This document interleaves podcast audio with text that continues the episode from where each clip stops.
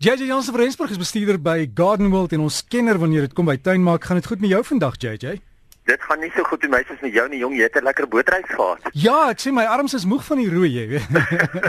as dit maar net so was nie, ons het regtig baie baie lekker tyd gehad. Klomp, klomp van ons luisteraars het gesê ek moet asseblief vir jou groete stuur. Hulle mis nie een van jou programme nie. So almal luister vir jou vandag, JJ. En daar's hy, daar's hy. SMS het ook ingekom. Daar's 'n vraag oor 'n boomwortel wat plaveisel lig, maar hulle wil nie plaveisel uithaal nie, kan hulle die wortel afsny of iets doen? En 'n ander vraag, die korreltjies gif wat mense in die tuin sprinkel, is dit skadelik vir skoenlappers en vir voeltjies? Kom ons begin gou by die boomwortels. Dit is om mense moet verstaan dat As 'n boomwortel begin om die plaveisel te lig, is dit oor die algemeen 'n groter ankerwortel, ietsie wat eintlik die boom redelik sit. So wat 'n mens moet doen is jy moet daar oopmaak, dan moet jy kyk hoeveel van hoe groot is die wortel en hom bietjie vergelyk met as jy hom sou afsny, sou die boom nie eintlik omval in die oorgestelde teenoorgestelde rigting nie, want onthou die anker wat hom op die ooste kant anker, keer laat hy na die weste kant toe oorval. So 'n mens moet net seker maak dat 'n mens as 'n mens daar sou afsny, dat 'n mens nie groot sterk ankerwortels wel afsny nie of as jy hom oopgry jy sien, sien maar daar's so weet wat twee of drie wat in daai rigting beweeg en jy help vat net een van die drie weg dan behoort dit nie 'n probleem te wees nie maar maak maar oop en besluit maar eerder of dit nie die moeite werd gaan wees om eerder die plaveisel effens op te lig nie want as jy die die plaveisel lig dan behoort jy glad nie 'n probleem te hê met die wortels weer vir 'n rukkie nie weet so Ek sou gesê kyk maar net eers. Stel ja. goeie ondersoek daarin voordat jy net begin afsny. Ja, JJ, ek het 'n soortgelyke probleem gehad en ons het dit oorkom deur jy ken hierdie wat hulle noem die lintels daai goed wat jy bo kan die deure sit as jy bou. Dis hy. Ons het die plaveisel gelig 'n trappie gemaak en gelukkig kon ons dit doen. 'n Lintel gesit en plek gelaat vir daai wortel om nog te kan groei sonder om die plaveisel te beskadig. Dis hy. Ons doen dit baie keer as ons 'n muur of so wil bou en ons wil en die muur moet bo oor 'n sterk wortel gaan, dan sit jy ook maar 'n lintel oor. So dit net soos jy daar sê, jy weet ek sal alles doen wat ek kan doen om eerder 'n plant te maak om nie die boom te verloor nie. Hmm. Jy weet en nie die boom seer te maak nie. So ja, nee, definitief. Die persoon wat ge-SMS het oor die gifstof, het seker telepaties met my gekommunikeer want dit is reg waaroor ek bietjie vandag wil gesels, jy weet.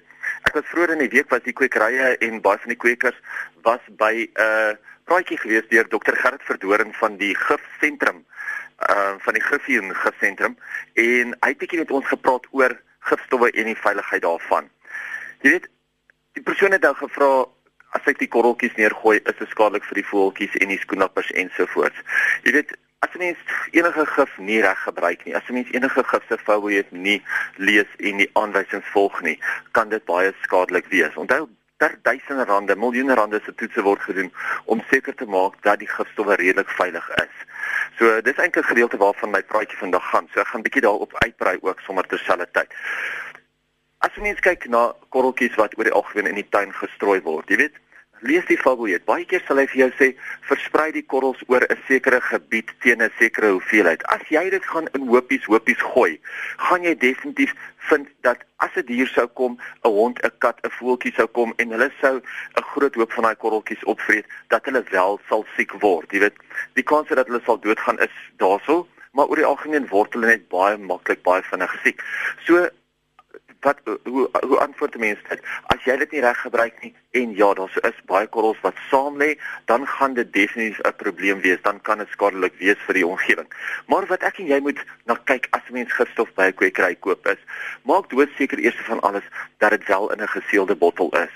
Maak seker dat die die seël nie gebreek is nie en dat dit wel 'n uh, bottel is wat vir die doel gebruik word. Jy weet baie mense sal sommer gifstowwe oorgooi in 'n 2 liter bottel of in 'n plastiese botteltjie en aan jou 'n plastiese botteltjie verkoop met die gedagte dat daar wel daai gif daarin is. En dit is heeltemal heeltemal teen die wet.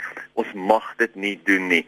So as jy na 'n winkel toe gaan of na 'n kwekery toe of wat ook al en hulle het gifstowwe wat hulle oorgegooi, selfs kunsmisse wat oorgegooi is in ander houers Dit mag nie gebeur nie. Maak ook doodseker dat hy 'n etiket op hom het. Hy moet 'n behoorlike gedrukte etiket op hom hê wat wel vasgeplak is, wat vir jou sê wat in die bottel is, waarvoor jy dit gebruik, wat die aktiewe bestanddeel is en ook baie baie belangrik sy registrasienommer. Hy het gewoonlik 'n registrasienommer op hom en 'n mens kan baie maklik daai registrasienommer opsoek en seker maak dat dit wel die regte houer is. Soveel mense bel my en sê vir my jy ek het nou alles in my tuin gespuit en ek raak net nie van kom ons sê mure ontslaan nie. Dan vra ek vir hulle wat het julle gespuit? Dan noem hulle vir my alles op, maar nie een van dit wat hulle gebruik het is eintlik muurdoders nie. So op die einde van die dag moet jy seker maak dat dit wat jy spuit is wel vir daai doel. So spuit meer spesifiek. Maak seker dat die fout wil jy sê hierdie produk kan aangewend word vir mure sodat jy seker is dat dit wat jy spuit wel die ding gaan doen en dat jy nie onnodig spuit nie, dat jy ook nie mors nie. Ek dink baie mense sal sê hulle is baie onkundig. Hulle ken dit nie. Maar net soveel van ons lees nie daai wil weet om onsself te lees te, te, te meer daarmee vertrou te maak om te weet wat ons gebruik nie. Groot probleem op die oomblik is natuurlik die rotte. Veld veldmeise en die rotte kom nou weer terug na die huise toe en almal probeer nou weer om van die rotte ontslae te raak. En ongelukkig is rotdoders seker jou grootste gifstof wat daar so is en die ene wat eintlik die meeste vergifting uh onder die diere en en so aan en onder mense teweegbring. En dit is omdat mense hom weer weer eens nie reg gebruik nie. Jy weet baie mense dink as hulle 'n rotdoder neersit dat sodra daai rot aan hom gevreet het, gaan hy onmiddellik net daar doodgaan. En verstaan nie, dit is 'n proses wat tussen sê 14 en 21 dae kan gebeur.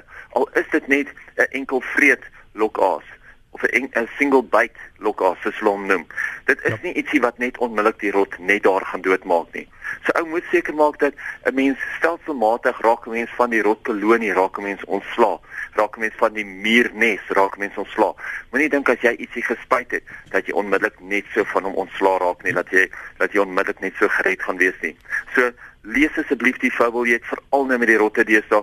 Kom ons probeer om minder van ons troeteldiere en minder van van die kinders en so aan siekte kry.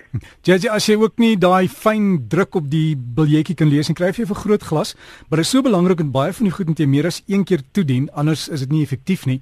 En weer eens wees versigtig met die middels. Hulle leer altyd vir jou sê vir jou daar jy moet 'n masker opsit want jy kan dit inasem sleg vir jou longe, is sleg vir jou vel, jy moet jy moet beskermende klere dra dra. En mense doen dit nie, hulle dink ag gee dit sommer vir die vir die vir die tuinhulp om gou te gebruik. Um, dit sal mos gou wees en ek het nou die dag langs die pad gestop by ouens wat langs die pad gespuit het. Ek wil gevra waar hulle klere dra en hulle bestuurder geroep en hom uitgetrap en gesê die ouens is in die moeilikheid. Ja, ja. Jy weet en dit is net so en dit is regtig mense wat hulle self net dom hou. Ja. Dit is mense wat wel kan lees. Weet ek net voordat ek klam op wil ek het vinnig genoem. Onthou volgende Sondag is Moedersdag vir die van julle wat al daarvan vergeet het. Ek weet met al hierdie vakansie daar en al die vakansies wat ons nou onder ons gehad het, is Moedersdag nog een van daai dae wat baie mense nou van vergeet. So asseblief maak seker dat jy ietsie vir jou ma kry kry vir haar 'n mooi potplant, kry vir haar 'n mooi geskenk of natuurlik ons het weer ons lekker Moedersdag ete hier by Gardenwold aan. Is 'n lekker ete in ons swembad onthaal sal. So vir die van julle wat wil bespreek, mamma 'n bietjie wil wil wil, wil bederf vir die dag, skakel ons gerus en bespreek vir 'n lekker Moedersdag ete of kyk wat is in jou omgewing. Kyk wat doen die mense daar om jou. Almal probeer om dit baie spesiaal vir ma te maak. So gesels JJ Jansen van Rensburg en dit was ons tuinpraatjie. Jy kan vir JJ e-pos JJ by gardenworld.co.za klomp SMS'e ingekom. Evelyn, asseblief e-pos gou vir JJ met jou vraag. Is JJ by gardenworld.co.za